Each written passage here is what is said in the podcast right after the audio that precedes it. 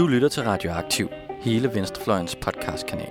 Vi bringer de nyeste nyheder fra klassekampen, dybdegående interviews, nørdede analyser og knivskarpe debatter. Hvis du kan lide, hvad du hører, så husk at følge os på SoundCloud eller din podcast-app, og du kan også smide et like på vores Facebook-side. Så læn dig tilbage, knap bukserne op og nyd en varm kop Rød Radio.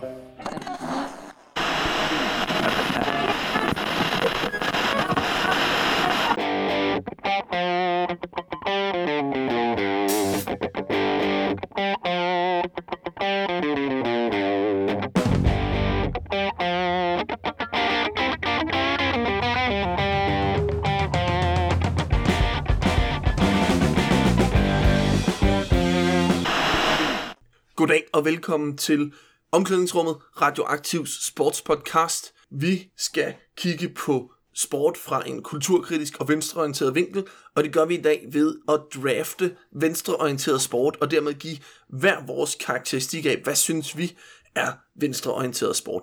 Men før vi går i gang med det, så skal jeg lige øh, byde velkommen til mine medværter. Jeg hedder som sædvanlig Benjamin Bilde Bolsmann, og med mig har jeg Jonas Neuvel, det er godt at være her. Jeg glæder mig. Og jeg hedder Simon Kivits. Før vi går til vores øh, draft af venstreorienteret sport, så er der lige øh, sket en masse i sportsverdenen den sidste måneds tid, som vi skal forbi. Og Jonas, vil du starte med at snakke lidt om øh, Flash og fuglesang? Flash og fuglesang, det, det skete her i går, at øh, Flash Vallon, altså når vi optager i går, vi optager lige nu torsdag den 25. april, og onsdag den 24. april blev Flash Vallon kørt ned i Belgien et sted. Og ja. Flash Vallon er hvad? Det er en af forårsklassikerne, en af ardennerklassikerne i cykelløbet, og den kan man høre meget mere om, hvis man hører vores fremragende, hvis, jeg, hvis vi selv skal sige det, udsendelse om netop forårsklassikerne for, i, fra marts 2018. Men øh, Fuldsang var lige ved at vinde, men så kom årets helt store fænomen, Alaphilippe, Julien Alaphilippe fra Frankrig, og overhalede ham på de sidste meter op ad Mur de Huy, som er en rigtig fed stigning. Og det er lidt den her konstruktion, eller sammensætning af Fuglsang og Philip der har været øh, den drivende kraft i rigtig mange af de her forårsklassikere her på det sidste. I Stade Bianca var det de to, der havde duellen. Vi så i Amstel Gold Race, at det var de to, der ville have vundet, med mindre at der ikke gik taktik i den. Det var klart de stærkeste rytter i feltet, så øh, der er i hvert fald ikke nogen tvivl om, at øh, det er Philip og Fuglsang, der er de helt store S'er i den her forårskampagne. Ja, og i den sammenhæng, så er det jo interessant at kigge på, at øh, på søndag, så er der jo endnu en klassiker. Og hvordan kommer det til at blive? Jamen, det er nemlig den anden, eller tredje faktisk, store Ardenner-klassiker, som hedder Liège-Bastogne-Liège, som man kører fra Liège i Belgien, og så ned til Bastogne i Belgien stadigvæk. Hvis I har set Band of Brothers, så var de oppe og slås med tyskerne dernede, øh, og så tilbage til Liège. Og den passer noget bedre til fuglsang, fordi de her stigninger er ikke helt lige så stejle, men lidt mere lidt længere og ikke helt lige så stejle, og det kan Fuglsang bedre lide end ham her, Ala Philip, som vinder rigtig mange løb ellers. Ja, han er en eksplosiv rytter, Ala Philip, men I kender jo selvfølgelig resultatet, når I hører den her episode, da den først udkommer, øh, jeg tror faktisk det er 1. maj. Ja, Udover cykling, så har vi jo også haft gang i vores, øh, øh, her i omklædningsrummet, måske vores anden store favoritsport, nemlig fodbold. Og der er især to turneringer, hvor øh, der er noget at bide mærke i, og hvor der stadig er rigtig meget spænding. Og øh, Simon, du er jo vores øh, Liverpool-fan, så kan du ikke fortælle lidt om, hvordan ser det til i Premier League, og øh, bliver I mestre for første gang siden, hvornår var det nu, det var? 90. Vi er på vej mod en øh, dobbelt depression. Vi er på vej mod øh, en, øh, en sølvmedalje i Premier League, og øh, så højst sandsynligt nok også øh, ryge ud i semifinalen i Champions League. Men øh, det er selvfølgelig et øh, Barcelona-hold, der ikke er så super velspillende. Øh, Liverpool skal møde her i semifinalen, men de har stadigvæk ham, der er Messi. Men øh, mest af alt, så, øh, så har den her øh, vanvittige Premier League-sæson, hvor både City og Liverpool nok næsten kommer til at sætte pointrekorder begge to. Ja, det, det er en sæson, der har presset os Liverpools fans så langt, så vi har siddet og hæppet på Manchester United. Når du nu siger City, mener du så Birmingham City, eller hvad uh, mener du? Bristol City. Bristol uh, City, okay. Manchester City, selvfølgelig. Okay, og, øh, men, men det har været hårdt at, øh, at være Liverpool-fan i den her øh, situation. Det er forrygende og fantastisk, øh, hvad de har gang i, men det er, jo ikke, det er jo ikke til at arbejde med, når de der City de spiller, som de gør. Og hvor vi har været inde på den ene Champions League øh, kamp, nemlig den mellem øh, Liverpool og Barcelona, så skal vi måske også lige have den anden på, som jo bliver et øh, brag af et øh, dansker opgør mellem øh, Tottenham og Ajax, hvor vi kan få øh, Lasse Schøne og Christian Eriksen og alle de andre øh, danske landsholdshelte øh, spillere mod hinanden i semifinalen i Champions League. Og det er jo ret bare en overraskelse, at de to hold møder hinanden. Altså, bortset fra Simon, så tror jeg, at hele omklædningsrummet holder med Ajax i år i Champions League. Fordi altså, jeg har aldrig jublet, eller det er længe siden, jeg har været i en så privilegeret situation at juble så meget til en Champions League-kamp, som da Ajax slog Juventus ud. Det gjorde mig rigtig, rigtig glad. Også at de slår de onde ud, altså det er fascisterne fra Real Madrid, og så er det de der klamme svin fra Juventus, som de slår ud. Det gør mig så glad. Altså, altså det er et ungt hold, og en overraskelse. Det kan vi jo godt. Vi elsker underdogs. Ja, så øh, vi glæder os rigtig meget til at se både semifinaler og finaler i Champions League. Apropos onde hold, så har vi jo fået afslutning på den danske ishockeyturnering, hvor øh, Rungsted Sejr Capital har vundet. Ja, det hedder de. Det er ikke, hvad, øh, det er ikke en joke. Øh, Rungsted Sejr Capital, opkaldt efter øh, sejr fra Saxo Bank. De har vundet i en 4-0 sejr over Sønderjyske som, øh, som betød, at jeg ikke kom ud og så ishockey og drak øl, fordi jeg havde regnet med, at jeg skulle se nogle af de sene finalekampe. Ja, og det, det er et slutspil. Der er også gang i det øh, svenske slutspil i den svenske elitserie, eller SHL, som det hedder på nysvensk. Og det, altså, hvis der er nogen derude, der er interesseret i svensk ishockey, hvilket jeg ved, der er mange, der er, blandt øh, omklædningsrummets lyttere, så kan jeg fortælle jer, at den lige nu står 1-1 i kampe i finalen mellem øh, Vester Frølund og Djurgården, så det er også et Göteborg mod Stockholm opgør. Og det, vi glæder os jo til at se, hvordan det går, men øh, den tredje finale bliver spillet as we speak. Og øh, nu, hvor vi snakker om svensk ishockey, så har du endnu en anbefaling. Er det ikke rigtigt, Jonas? Nå ja, det er rigtigt. Der kører en øh, rigtig fed dokumentarserie på svensk tv på SVT, hvor de har kørt det første afsnit, men alle afsnittene ligger på SVT Play, og de er ikke geoblocked. Så man kan godt se dem i Danmark også om ishockeyens historie i Sverige. Og der er altså nogle øh, KF'er med som Nisse Nielsen og Ulf Sterner og Børge Salming, så det synes jeg, I skulle gøre jer selv en kæmpe stor tjeneste at få set noget af. Det er rigtig godt. Ja, og øh, til os andre, så er der jo øh, sportsdokumentarer har også været på Øh, programmet i Danmark og i debatten i Danmark, og når man sidder og læser sin morgen øh, BT Express, eller hvad de hedder, BT Metro, så, øh, så har man læst om øh, de her forhold, der har været for elitesvømmerne i Danmark i for øh, 10-15 år siden. Og hvad øh, helt kort, er der nogen, der kan fortælle lidt om, hvad, øh, hvad handler det for, hvad er det, der er foregået? Altså som, øh, som et led i at skulle topprofessionalisere den her danske, danske elite øh, sport inden for svømning, så har man hentet en, øh, en række trænere ind med nogle trænerfilosofier, der har været øh, ekstremt psykologisk nedbrydende for vores øh, svømmere, og som ligesom har øh, kastet folk ud i spiseforstyrrelser og øh, ja, altså psy- store psykiske problemer og lidelser, som de har måttet slås med i deres fortsatte liv mange år efter. Så øh, hvad skal man sige, der er i hvert fald blevet, blevet offret noget på det individuelle plan og det psykologiske plan for at prøve at opnå de her fantastiske svømmeresultater, Danmark har haft nu i løbet af mange år. Ja, og man kan sige, at det er jo det ene aspekt af det, men der er vel også, af øh, mit indtryk i hvert fald også, et kønsaspekt af det, hvor man har kørt ret hårdt på kvindelige øh, svømmere øh, omkring deres sådan krop, og du snakker selv om spiseforstyrrelse, men blandt andet med offentlige vejninger og udråb af øh, råd til slankekurer og sådan nogle ting over for hinanden på en, på en ret ubehagelig måde.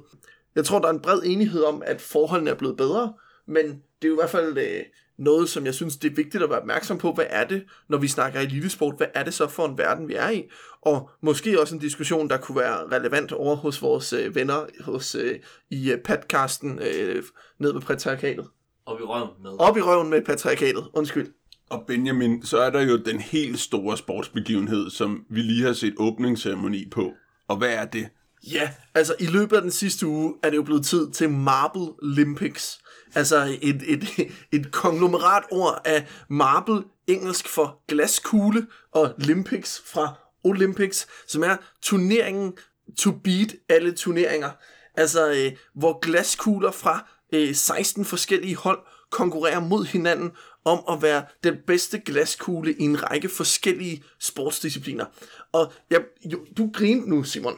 Men hvad var det, der skete, da jeg sagde, I skal lige se den her konkurrence, hvor glaskugler konkurrerer mod hinanden? Hvad var jeg sådan umiddelbar forventning på forhånd? Sagde, fuck du dum, fuck du er irriterende Benjamin. Og, Og, og, og hvad var det så, der skete, da vi nåede til tredje heat, Simon? Det var, at vi sad og råbte og skreg og var rystet over, hvilke, hvilke overhalinger der skete på de sidste centimeter, og havde nogle meget, meget klare favoritkugler, vi holdt med. Faktisk gik der omkring 15 sekunder fra, øh, der blev sagt meget håndligt, holder du med nogen, til at der blev råbt sådan, Balls of Chaos! øh, og jeg synes, jeg synes, det er helt fantastisk. Sådan, øh, altså, det, er jo, det er jo en, en postmoderne kritik af sport nærmest. Altså det her med at sige, det er lige meget, om der er udøvere, vi kan bare lade glaskugler konkurrere mod hinanden, og så vil folk synes, det er fedt. Og det minder meget om sådan en klassisk XKCD-tegneserie, hvor, øh, hvor, hvor der sidder to mennesker i en kommentatorbås, og øh, så siger den ene, jeg har lige fået en, øh, et, et, et, et sæt øh, vægtede tilfældige tal, og så siger den anden, juhu, lad os bruge det til at bygge fortællinger og narrativer. Og det er jo meget det sport er, og det er jo det, vi kan med at se nogle glaskugler løbe ned af en rampe. Så øh, herfra, i hvert fald fra mig, men jo også efterhånden fra Fra hele omklædningsrummet. Fra alle os til alle jer. Hop. Et glædeligt Marble Olympics. Ja, hop ind på YouTube, Google Jealous, J-E-L-L-E-S, Marble Runs, og, øh, og subscribe og se Marble Olympics. Og hvis man er i, i sådan et meget Marble Olympic humør, så kan man starte med at se kvalifikationen fra januar, som er øh, helt fremragende. Og så er der jo to konkurrencer ude indtil videre, og når det her bliver vist, så går jeg ud fra, at det bliver meget mere. Så, øh, så, så det er virkelig min store sportsanbefaling øh, lige i øjeblikket. Go Team Galactic. Oh, Rangers! Balls of Chaos.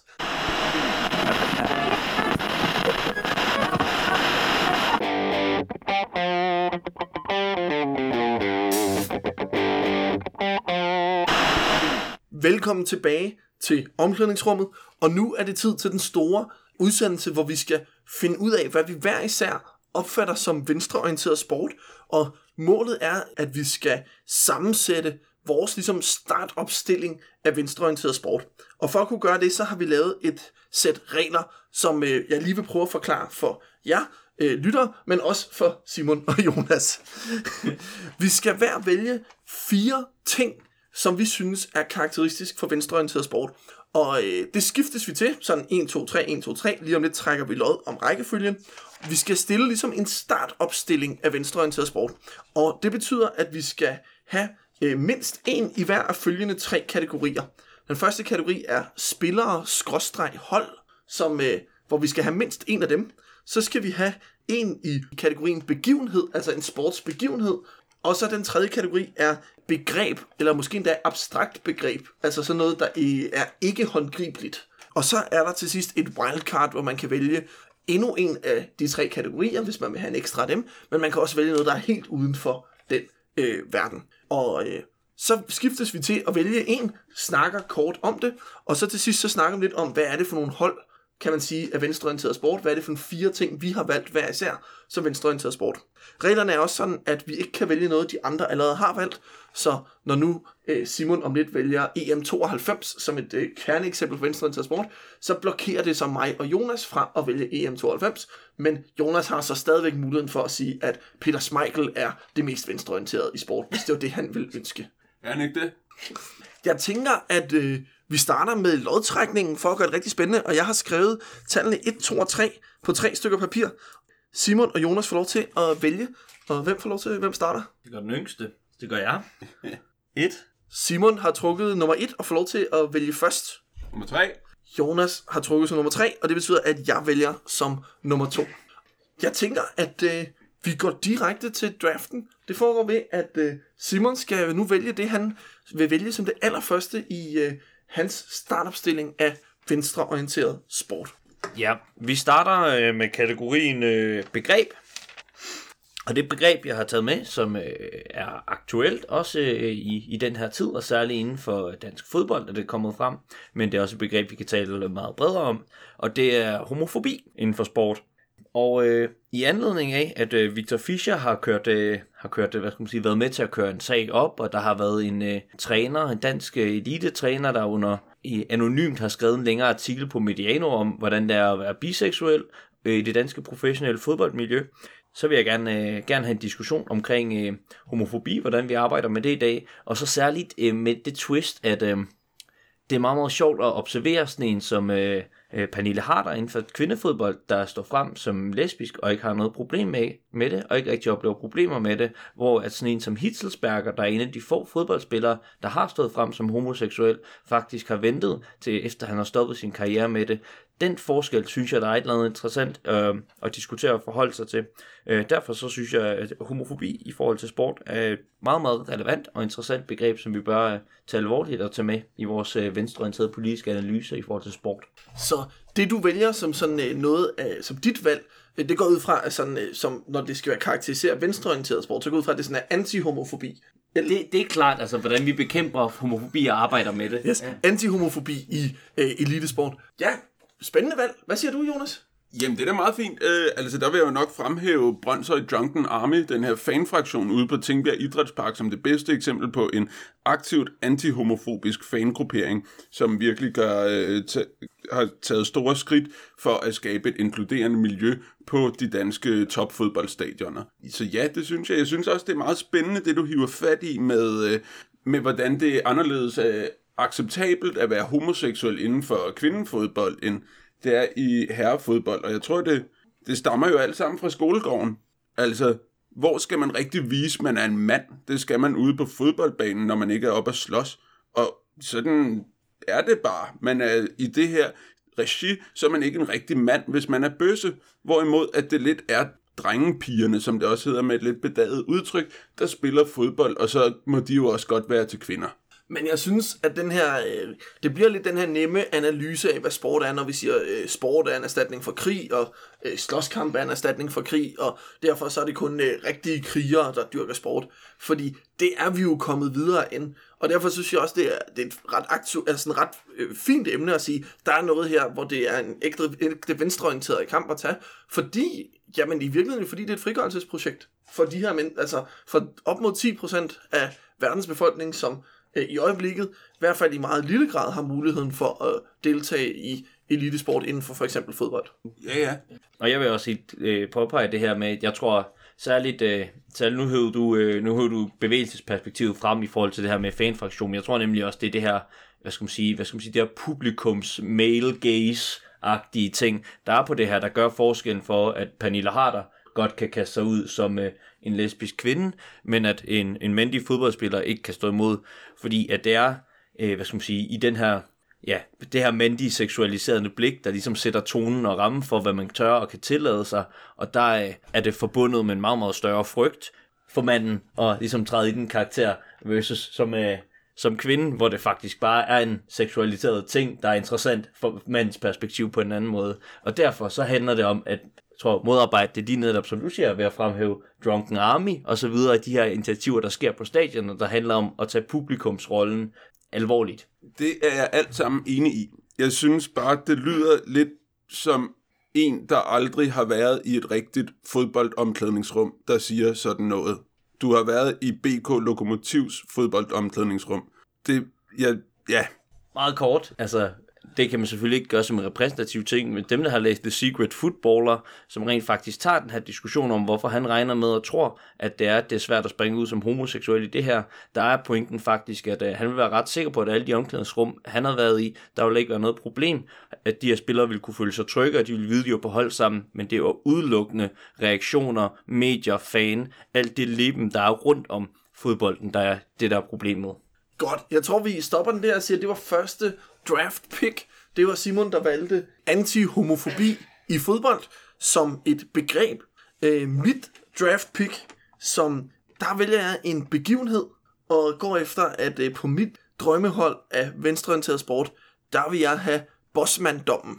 Uh, ja, det er jeg enig i, fordi det er nemlig EU, der her sætter arbejds, arbejdskraften fri, der sætter arbejdstagerne fri, og det synes jeg er meget positivt, at Benjamin også har fundet ud af det her. Det er nemlig et venstreorienteret, en venstreorienteret milepæl i sportens historie, men fortsæt endelig, Benjamin. Den er, den er lidt kompleks, den her, for der er selvfølgelig også et element, hvis man prøver at overføre det her til, øh, til universiteter for eksempel så vil det jo svare til på en eller anden måde, øh, altså der er selvfølgelig hele frigørelsesaspektet, at man som øh, individ og spiller selv kan vælge sted, men så er der jo kommet hele den her bossmands betalingsstrafdom, man skal give til klubberne, så det er sådan, det vil svare til, at når man så går ud og henter en eller anden for Aarhus Universitet ud til en eller anden virksomhed, at så skulle man betale en eller anden ting tilbage specifikt til et sted, hvilket jeg faktisk måske tror, jeg går ind for, så på den måde er det faktisk yderst interessant, at du bringer bossmand op. For mig at se, så er bossmanddommen bare grundlæggende arbejdstager øh, rettighed, arbejdstager interessevaretagelse. For dem, der ikke ved det, så er bossmanddommen den dom i midt-90'erne, 95. 95, som gør, at en fodboldspiller kun er bundet til en fodboldklub i den længde, hans kontrakt har. Tidligere så kunne man ikke spille for andre klubber, medmindre den første klub ville sælge dig videre. Og det, det skabte jo sådan helt perverse incitamenter til, at øh, klubber bare kunne have ejerskab over spillere. Og øh, der er jo noget, vi kalder det jo noget, når virksomheder ejer mennesker. Altså det er slaveri, og det er på mange måder nogle af de i hvert fald arbejdsmæssige vilkår, som, øh, som elitesportsudøvere kæmpede med op igennem øh, hele 1900-tallet, og det er inden for alle sportsgrene. Altså vi, vi ser det i USA, i øh, de store sportsgrene, der hvor vi så det i Europa, og bossmanddommen giver så den enkelte arbejdstager retten til at indgå selvstændige kontrakter til at tage magten over sit arbejde tilbage, og til selv at vælge, hvor han eller hun vil dyrke elitesport.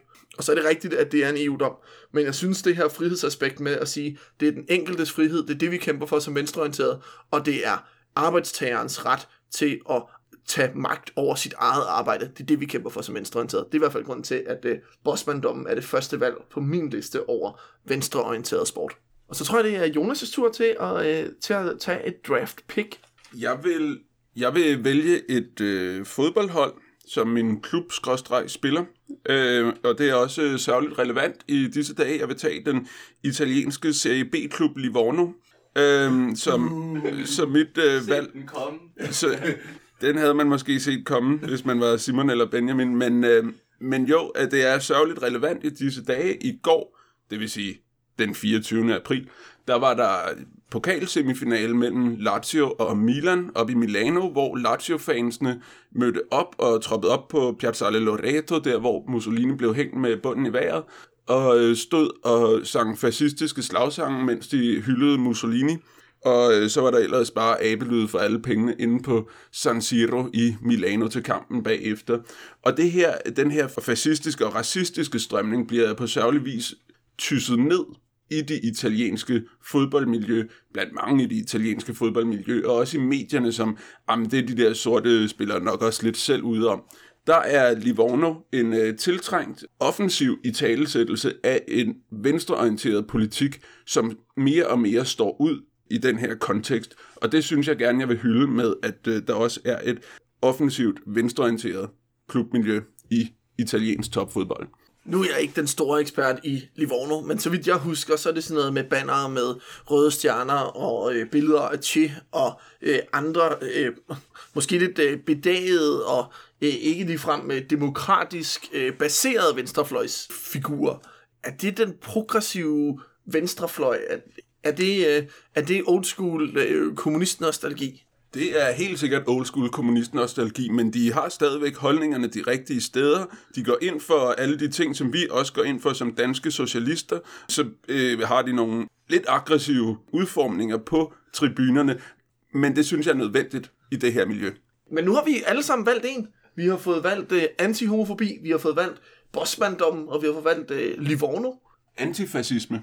Ej, nu var, nu lad, var, mig, lad mig understrege, Det var det i dag er De Italiens befrielsesdag, hvor man går ud i gaderne og synger Bella Ciao.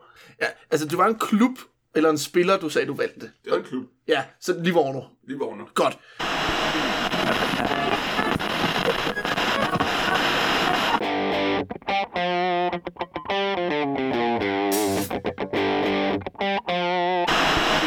Det betyder, at vi går til anden runde nu. Og øh, Simon, du har igen førstevalget. Skal vi næsten vente den om? Nej, du skal først. Godt. Nu startede jeg med, med det kort, jeg havde regnet med, at øh, andre måske havde trukket for, ligesom at, at jeg fik den, så folk må tage deres andet valg. så øhm, nu prøver jeg at tage mit, øh, mit næstbedste kort, og øhm, det her det bliver så en begivenhed. Og jeg er lidt i tvivl om, øh, hvilken en af to begivenheder det vil være, men jeg tror, vi tager, øh, vi tager, vi tager den ældste af begivenhederne. Vi tager øh, en boksekamp for 1908. Øh, Jack Johnson mod Tommy Burns. En glohed dag i Australien, hvor det er den øh, sorte bokser Jack Johnson som den første nogensinde får muligheden for at kæmpe om øh, at være verdensmester inden for boksning. Altså den her sværvægtsdisciplin i boksning, som er symbolet på den absolut stærkeste, mest perfekte atletiske mand i verden, som de hvide altid har haft ret til at have, at han får, at han får tiltvunget sig adgang i Australien til at rejse tilbage til USA som en sort mand med det her, med det her bælte øh, i en kamp, hvor det er, da han knockouter Tommy Burns, politiet kommer op og slukker kameraet, der dokumenterer det her, fordi det er en så kæmpestor krænkelse og fornærmelse mod den hvide mands øh, idé om racemæssig overlegenhed. Så øh, den hårdt kæmpende øh, Jack Johnson, der har haft et frygteligt hårdt liv, fordi han faktisk har kæmpet for de sortes rettigheder og præsteret som en af de første noget, der langt før sin tid var muligt. Ja, man skulle ikke tro, det øh, var os andre to, der var historikere, når du er den første, der griber øh, tilbage til 1908. Men jeg synes, det er et spændende valg, og det er også et valg, som, øh, hvis vi skal lave en lille reklame, man kan høre mere om, hvis man øh, går ind og låner øh, podcasten øh, øh 100 års boksning i USA på e-reolen. Simon har lavet den sammen med en øh, god ven, og øh, det kan man anbefale, man gør. Nej, jeg synes, det er et spændende valg, og det er jo et, øh, i hvert fald et valg, der, øh, der sætter fokus på de her raceproblematikker, som Jonas også øh, kommenterede på med abelyde på stadion og sådan nogle ting, som jo bare fylder rigtig meget i sport. Altså igen et spørgsmål om lighed og adgang, som jo øh, måske kan være, øh, hvis nu vi skal karakterisere dine to valg indtil videre, så er det noget med øh, lighed og adgang på, på tværs af forskellige vilkår. Godt, så er det min tur til øh, valg nummer to, og jeg tror, jeg vil holde mig lidt i samme boldgade som Simon, men så alligevel noget helt andet. Jeg var bange for, at han ville vælge noget, der var relateret til det her.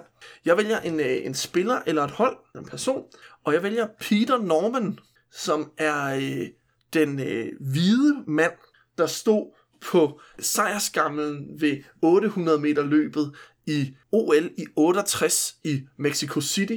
Den australske 800 meter løber, der stod som øh, med bronzemedaljen på skamlen, hvor de to vinder knyttede næver med sorte handsker i en Black Panther salute, og den øh, tredje person, der var med, en hvide mand, australier, havde på mange måder ikke rigtig noget på spil. Han havde et godt liv som, øh, som øh, eliteløber, han, øh, han behøvede ikke gøre noget, og han valgte og øh, sagde, jeg, kan ikke, øh, jeg skal ikke lave salut med jer, det, det er ligesom jeres budskab, men jeg vil gerne støtte op, og tog et kæmpestort badge på. Så hvis man ser det der klassiske billede, hvor de står, så er en kæmpestort badge på, hvor, øh, hvor, hvor han støtter op om øh, de sortes øh, kamp i USA, og støtter op om, om den her problematik, der medfører, at han selv bliver diskvalificeret for alt fremtidig elitesport. Altså sætter noget på spil for andre, der står i en dårligere position end sig selv. Og han har ikke noget at, at, at, at mis, altså han har ikke noget at vinde på det, øh, men er villig til at gøre det for andres skyld. Det synes jeg er en fed venstreorienteret tilgang. Og så synes jeg, det er en fed historie, at øh, det binder de her tre mennesker så meget sammen, at, øh, at da han dør som den første øh, Peter Norman, så øh, er de to øh, amerikanske øh, løbere, de er øh, med til at bære hans kiste til begravelsen. Og det er igen som en, en, en gestus, hvor man kan sidde som, som hvid og overveje, hvordan kan man lave et ordentligt stykke antiracistisk arbejde, selvom man ikke er sort, eller ja, som cis-mand, der er imod homofobi, eller bakker op om, øh, om øh, feministisk kamp udenfor, så, så synes jeg, at han er et fremragende eksempel på en, der rent faktisk har taget dialogen og handler i solidaritet og sympati på en måde, som det er, at øh, dem, der ligesom går forrest i kampen, og det, det handler om, ønsker. Ja, det er rigtig sympatisk. Han træder ikke nogen over tæerne på den måde, så jeg er enig, det er et rigtig godt valg. altså, han trådte jo alle over tæerne. Det tror jeg, jeg synes, det er det vigtigste. Hvor meget folk, hvor sindssygt vrede folk blev over, hvad der skete. Og at det der med, at han, han offrede hele sin elitekarriere for at have et badge på, mens han modtog sin bronzemedalje, det synes jeg er sejt og selvopoffrende gjort. Men øh, nu er det tid til Jonas' andet pick. Jo, men så vil jeg tage en øh, begivenhed, og vi skal til et sted tilbage mellem Simons begivenhed og Benjamins begivenhed. Det foregår nemlig i 1920, Og nok en gang skal vi til det toskanske kystlandskab, hvor der blev spillet et, et lokalt derby mellem Viareggio og Lucchese fra den nærliggende by Lucca, som har en rigtig flot bymur, hvis man er turist på de egne, og så bor Rolf Sørensen der også, og Bjarne Ries har en restaurant. det er ikke det, det handler om.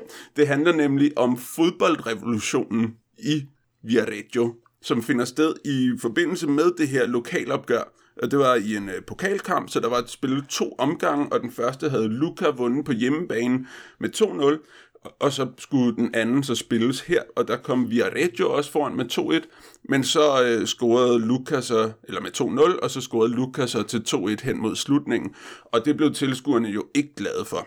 Og der var mange af dem, der var lidt bevæbnet med køller og sådan. Men til gengæld så var ordensmagten, som også var til stede, de var bevæbnet med geværer. Og det gik hverken værre eller bedre, end at der var en af de her Viareggio hooligans, vil man måske kalde det i dag, der blev skudt. Og det gjorde dem rigtig sure, fanfraktionerne fra begge hold. Så de smed ordensmagten på porten, og øh, så var Viareggio lidt i fodboldtilhængernes ej, sådan ejerskab. Og rygtet spredte sig så til de, loka- til de omkringliggende byer med, at ordensmagten var smidt ud, og hvad tænker man så, når man er socialist i Toskana og Ligurien og i området omkring Parma på det her tidspunkt? Man tænker, det er verdensrevolutionen. Den er brudt ud i den her noget søvnige italienske havneby. Så øh, der tager vi alle sammen hen. Så det var øh, anarkister og socialister fra hele oplandet, der flokkedes til for at øh, starte det øh, socialistiske tusindårsrige her. Og så hyggede de sig meget godt med det i en uges tid, indtil ordensmagten så sat ind med, øh, med ordensmagten, kan man sige, og, og fik smidt de her fodbold, øh, fodboldglade socialister på porten. Men det beviser bare, hvordan arbejderklassen kommer hinanden ved på det her øh, igennem sporten, hvordan det kan sætte revolutionære tilstanden i gang. Jeg er helt vild med, at, øh, at din primære udtalelse indtil videre, det er, at EU og verdensrevolutionen er fede. Ja, og igen, der er måske, vi vil have bygget, øh, bygget et mønster op omkring, hvordan, øh, hvordan fodbold kan være, øh, kan være modstandskamp, og det er jo selvfølgelig også, øh, også spændende at, at forfølge. Øh, og god historie, og verdensrevolutionen havde garanteret været der, hvis ikke der var en ordensmagt. De skulle have været mere bevæbnet, er det konklusionen? Ja. og det var de første to runder. I anden runde blev det til øh, øh, Jack Johnson og Peter Norman og øh, verdensrevolutionen i Viareggio. Øh, Jack Johnsons kamp mod David nå, Byrne, ja, det er en ja, begiven, Det er begivenheden, begivenheden, ja, selvfølgelig.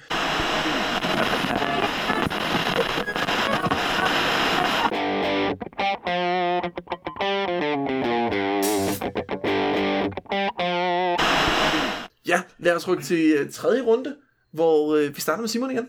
Nej, fornøjelse at være først hver gang. Yes. Skal vi have en person, og her, øh, her håber jeg og tror jeg, at jeg kan sætte jer fuldstændig af, når jeg siger Surya Bonali, Nå ja. ja, den øh, franske øh, mørke øh, kunstskøjteløber, der i løbet af 80'erne og 90'erne Fremragende valg. Fremragende valg. Ej, det var ham eller Livorno. Hende, tak. Øh, der gentagende gange måtte opleve øh, at komme lige under øh, medaljeskamlen, eller lige under guldmedaljen, lige under de der klassiske hvide skøjteprinsesser, øh, som, hvad skal man sige, havde en, en stil, der måske var den her lidt øh, mere flydende, æstetiske øh, dansestil, hvor hendes stil var, hun kom fra atletikken, hun kom fra gymnastikken, hun var faktisk den store atlet, der lavede de vilde spring, de andre ikke kunne, og øh, hvad skal man sige, ja, formåede at præstere noget atletisk på kunstskøjtebanen, som øh, samtiden ikke accepterede, anerkendte, gav point for meget, eller måske den historie, vi har fortalt om skihop, hvor det var, at øh, da den mere effektive atletiske hoppestil blev udviklet, gav dommerne det minuspoint på grund af æstetikken, men øh, det var det, der holdt hende tilbage, selvom hun måske var den atletisk bedste kunstskøjteløber. Det kombineret med, at det nok var en sort fransk kvinde, der brød ind i en ekstremt hvid verden og ligesom nytænkte og nygjorde ting, som hun blev straffet for gang på gang. Så helten her. Ja, altså, øh, altså det er et fremragende valg, altså, jeg, det, og et valg, jeg ikke rigtig øh, kendte så meget til på forhånd, må jeg sige, det er jo altid godt at blive oplyst. Men jeg kunne godt tænke mig at blive oplyst om, hvordan er det et venstreorienteret valg? Ja, det kunne du godt tænke dig. Æh, Det handler... Øh, det er ikke rigtig godt spørgsmål. Det handler, det handler om, hvad skal man sige, de her folk, der kommer til at, der kommer til at stå, stå for noget, stå for at kæmpe for en ny ting og gå op mod systemerne. Der er et fuldstændig etableret hierarki, fortælling omkring, hvordan tingene skal gøres. Hun kommer og prøver at sætte nogle andre regler i spil, prøver at komme med en anden faglighed og præstere og gør det her lille mikrosamfund til et endnu bedre, endnu vildere, flottere samfund, og bliver mødt af den herskende modmagt, en hvid modmagt, der sikkert også holder hende nede, på grund af, at hun ikke hører sig til som sort kvinde her. Så der er noget, hvad skal man sige, nærmest en revolutionsleder, og øh, ikke spillende efter reglerne, en anarkist. Hun laver et, øh, et baglæns øh, kraftspring, eller hvad det hedder, som faktisk er ulovligt i, de her, øh, i, de her, i et OL, hun stiller op i men bare for at vise hendes atletiske overlegenhed, og for at give en fuck for det her system, der ikke giver hende sin, øh, sin stemme og sin plads.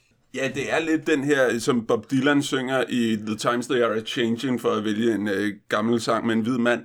Så øh, er det det, han synger med sådan, don't criticize what you can't understand. Ikke? Altså det, your old road is rapidly fading. Altså det, det synger på sidste vers, det her med øh, den hvide mands overherredømme i, af hele verden. Og der kan man sige, at øh, Saria Buhali her har været en form for katalysator, om ikke andet, for det her. Fremragende, fremragende.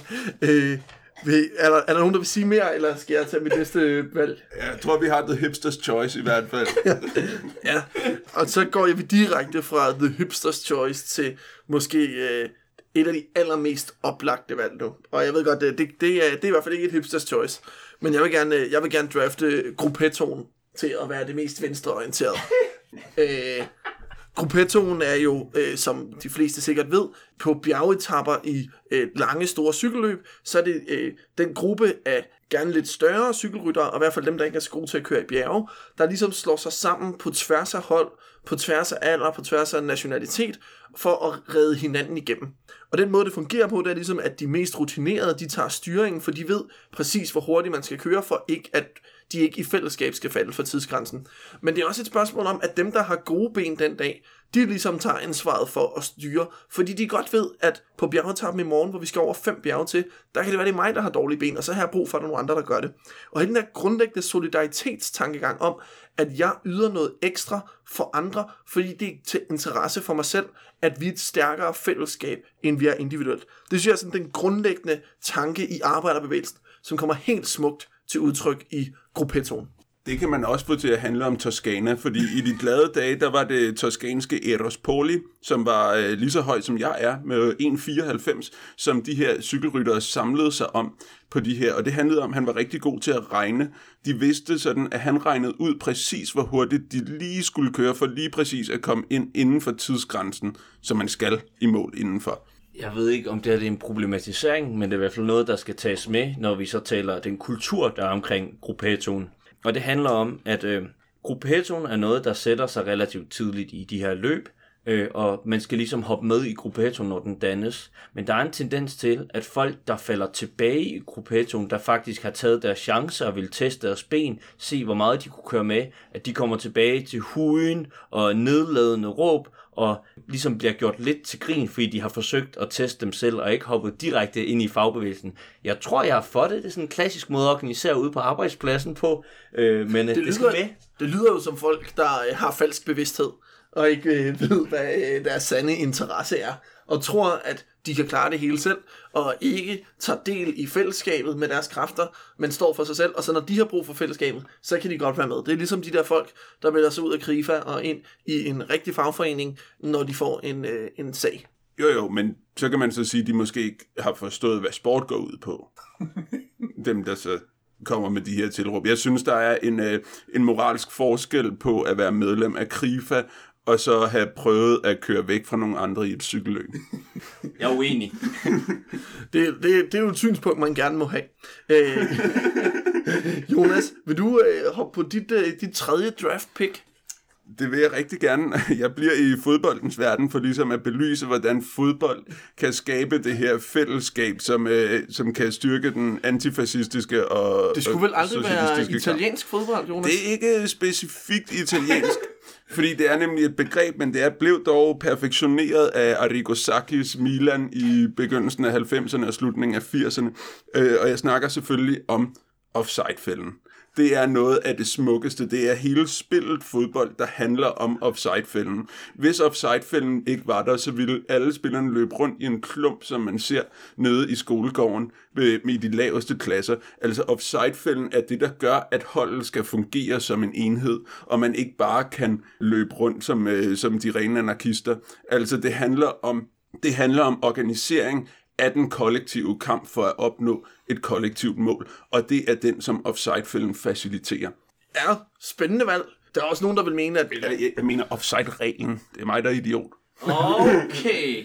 Så offside, Offside som fænomen. offside som fænomen er, det, er, er noget af det mest venstreorienterede ved sport. Det mener jeg helt seriøst der. Altså fordi det er en centraliseret et dekret, der ligesom former strukturen, en masse mennesker indgår i. Så sådan en stærk centralistisk et eller andet ting til at sidde og styre bevægelsesmønstre. Det er det, vi går ind for som socialister. Det er demokratisk centralisme, som vi selvfølgelig alle sammen går ind for, for at have en, øh, en effektiv motor i den, øh, i den venstreorienterede kamp. Selvfølgelig går vi ind for det, og at se det her hold, der sådan fungerer på den her måde med, at folk løber i de løbemønstre, de skal, for at forholdes bedste, og ikke for at lave for at øh, lave en eller anden rabona på en eller anden, som man ser Neymar gøre en gang imellem. Det er det, der er ulækkert ved Neymar, det er, at han ikke tager højde for offside-fælden. Han er en af dem, der står offside flest gange, og så hjælper han ikke til for at hjælpe sit eget hold. Altså for offside-reglen. Offside Altså, offside-fælden, jeg er lidt i tvivl. Du begynder at tage om Saki og hans måde at organisere i forhold til at lave offside-fælden. Ja, det kan jeg okay, godt- det- det kan på jeg godt måde. se. Det er offside-fælden, jeg tænker, der er det Ja, der. ja det, det er nok mest offside-fælden, men den kunne jo ikke eksistere uden offside-reglen. Nej, ja. Øh, også et rigtig spændende valg. Øh, så den, øh, den tredje runde her, den øh, gik til en øh, fransk skøjteprinsesse, til et, et cykelfænomen, og så til et fodboldfænomen. Så vi har haft godt gang i begreberne En her. fransk skøjteatlet. En fransk skøjteatlet, undskyld, ja.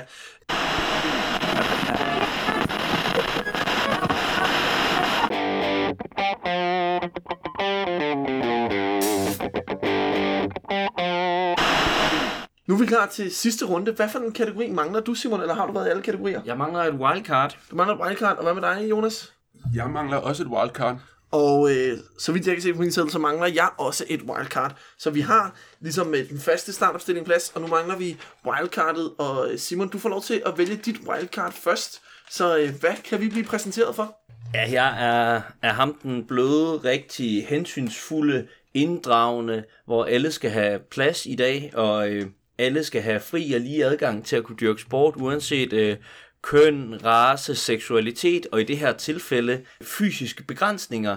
Jeg har taget det her fænomen, der også lige har fået en større dansk pris, øh, der hedder Lykkeligaen med, øh, som handler om voksende græsrodsbevægelse i hele landet, der arrangerer, øh, arrangerer håndboldturneringer for, øh, for handicappede børn.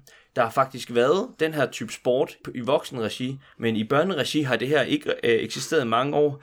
Det er, øh, det er noget, der altså, popper klubber op øh, i hele landet med for tiden. De to store rivaliserende øh, Frederiksberg håndboldklubber har lavet en sammen, selvom det er ærkefjenderne.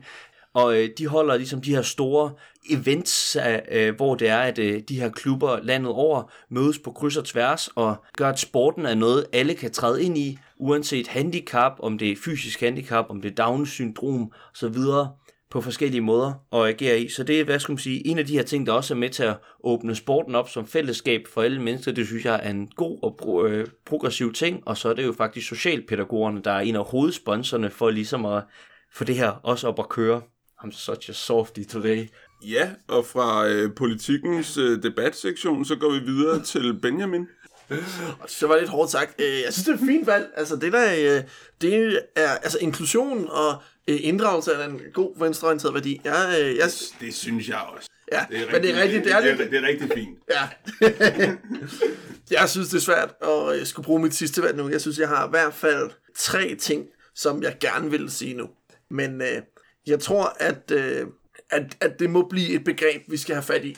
Og vi skal have fat i øh, det klassiske baseballbegreb, the sacrifice bunt.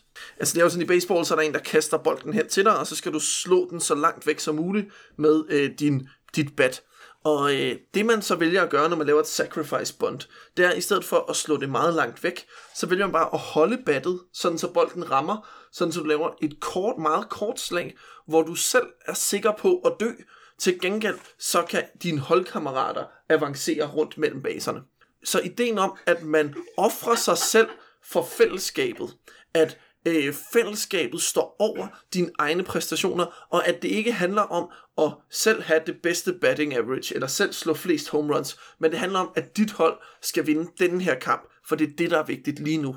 Hele den mentalitet om fællesskab over individ, koste hvad det vil, på, på, med dit eget liv, som indsats, altså kun metaforisk øh, i det konkrete øh, spilliv, ikke? men stadigvæk, man snakker om, om døde i rundbold, og det er jo det, man, man, at man bliver frivilligt død, for at holdet kan klare sig bedre. Den, øh, det begreb, det bliver mit øh, wildcard. Det er smukt, og det minder mig om de fortællinger, der var i øh, Rusland i 30'erne, hvor man forklarede folk i Moskva-processerne, hvorfor at det her det var det rigtige valg, og de selvfølgelig ideologisk skulle stå inden for deres egen død, fordi det var ligesom øh, ved at overkomme dem selv og deres individuelle, øh, øh, hvad skal man sige, øh, ufuldstændigheder, at revolutionen kunne vokse sig videre, og det var den her revolution, de jo selvfølgelig var lojale overfor. Så rigtig, rigtig fedt, at du har sådan pro-Moskva-processerne indlæg der. Jeg synes måske mere, det lyder som en Hollywood-film, altså med, at der er en, der offrer sig sådan, så helten kan komme ud. Det lyder lidt som Boromir i Ringenes Herre, sådan så øh, Frodo, Frodo og hans lille ven kan stikke af fra de slemme orker. Øh, så, så kommer Boromir og offrer sig det er flot af Boromir, og det er flot af deres sacrifice point, men jeg, synes, jeg kan sagtens se det. Ja, og hvis, hvis man skal give Simon en, en, en lille bitte øh, fli af en pointe med hans rant om Moskva-processerne, så er det jo, at, øh, at, at det jo desværre har vist sig at være, øh, at være flindrende ineffektivt. Og derfor er de fleste hold gået bort fra det, for det er faktisk bedre at betale sig at lade sine spillere slå til bolden, end at lave det her. Men, men det er jo ikke lige så smukt at slå til bolden, som det er at ofre sig. Det er, det er også derfor, man spiller dronningen gambit, når man skal spille skak. Må jeg spørge om en ting her på falderæbet? De folk, der offrede sig, var det som om, at det sådan lidt var vandbærende på holdet, så der var de store stjerner, måske kunne gøre det, så det var sådan lidt øh, en, et klassehierarki, hvor det var de laveste, der på en eller anden måde er dem, der skal dø? Nej, det er faktisk mest et spørgsmål om, øh, hvor øh, om der er nogen på basen foran dig, og hvor mange øh, døde eller outs der er i forvejen. Så det har faktisk øh, ikke så meget at gøre med, øh, med hvor, hvor stor en stjerne du er, men mere med sådan den konkrete situation på banen. Øh, jeg tænker, at vi går videre til det aller sidste draft pick, øh, eller vores draft af venstreorienteret sport. Jonas, du er øh, det, man i øh, amerikansk fodbold øh, parlance kalder Mr. Irrelevant. Den aller sidste, der skal vælge. jeg har valgt et, øh, et hold, øh, fra øh, en anden sport end fodbold. Men noget... Oh, og det er heller ikke fra Italien, eller hvad? Nej, det er heller ikke fra Italien, men øh, jeg hentede måske lidt hen af det før. Men det er faktisk fra håndbold.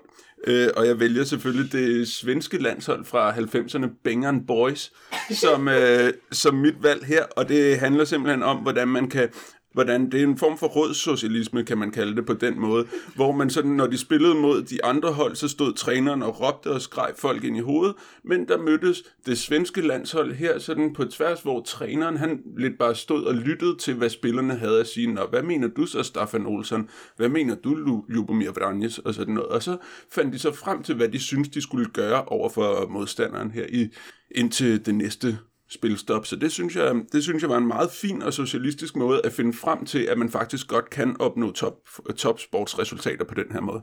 Ja, øh, det var vores øh, valg, og øh, tiden er ved at øh, løbe ud, men jeg tænker, at vi øh, inden vi slutter, så skal vi lige have hver af os til at præsentere vores fire valg, og så give en kort karakteristik af vores hold. Så bare lige øh, genopfriske vores fire valg, og give en kort karakteristik, fordi så lægger vi det jo ud til jer lyttere, på Facebook og Twitter til at afgøre, hvem af os, der har lavet den bedste, der har, tro, der har ligesom draftet det bedste hold af venstreorienteret sport.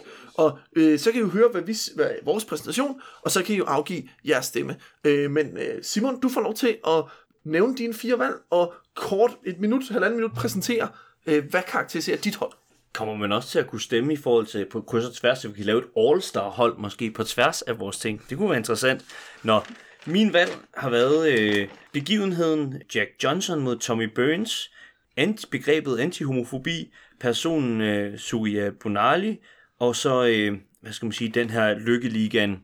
Og jeg synes, det der går igen, det er, at øh, det er folk, eller øh, begivenheder eller ting, der ligesom står som symboler for kampen for fri og lige adgang til sport, uanset forudgående betingelser, og hvad skal man sige, retten til at udfolde sig selv øh, internt i det her, om man så er sort i en forkert tid, om man er i gang med at nytænke indholdet af en sport, om man har en seksualitet, der, fa- der falder ud, eller om man, hvad skal man sige, har nogle fysiske eller psykiske begrænsninger eller nogle handicap, der gør, at man ikke umiddelbart kan stå lige til. Så jeg synes, jeg har valgt den store inkluderende linje, der samtidig også bringer et perspektiv for at kunne udvikle eh, sport. Mange tak. Øh, Jonas, vil du præsentere øh, dine valg og dit hold? Er det så, du bliver sidst, så der er flest, der husker dig og stemmer på dig? Men det er okay. Øh, det vil jeg rigtig gerne. Øh, mine valg, det var begivenheden Viareggio-oprøret i 1920, hvor øh, fodboldfans og socialister tog magten over en toskansk provinsby. Så valgte jeg så offside-fælden som mit fænomen her, fordi det er rigtig fedt.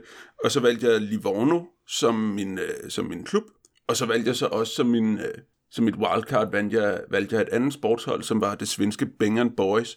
Men det, jeg synes, man kan... Øh, altså det svenske håndboldlandshold, Bengan Boys i 90'erne. Herre håndboldlandshold. Herre håndboldlandshold, deraf Boys. Men, øh, men det, jeg synes går igen for det her, det er organiseringen, den kollektive organisering af den venstreorienterede kamp for at opnå et højere mål. Og det er, ja, organisering. Ja, mit hold bestod jo af øh, begivenheden øh, Bossmanddommen, personen Peter Norman, og så øh, begreberne Sacrifice Bond og Gruppettoen. Og jeg tror, hvis jeg skal karakterisere mine valg, så er det øh, individets frigørelse, men gennem fællesskab og offervilje. Altså både Norman og Sacrifice Bond og Gruppettoen handler om at ofre sig for et større hele, for et fællesskab, og Bossmanddommen handler om, at vi gør det for, at det er den enkeltes frigørelse, der er i centrum, og det er det, der er venstreorienteret for mig.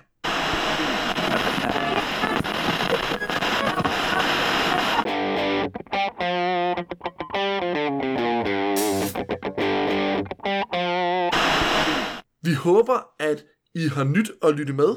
Det har i hvert fald været en udsendelse fyldt med historier, fyldt med øh, politik, fyldt med sport. Hop ind på diverse sociale mediearenaer og stem på, hvilket hold I synes er bedst.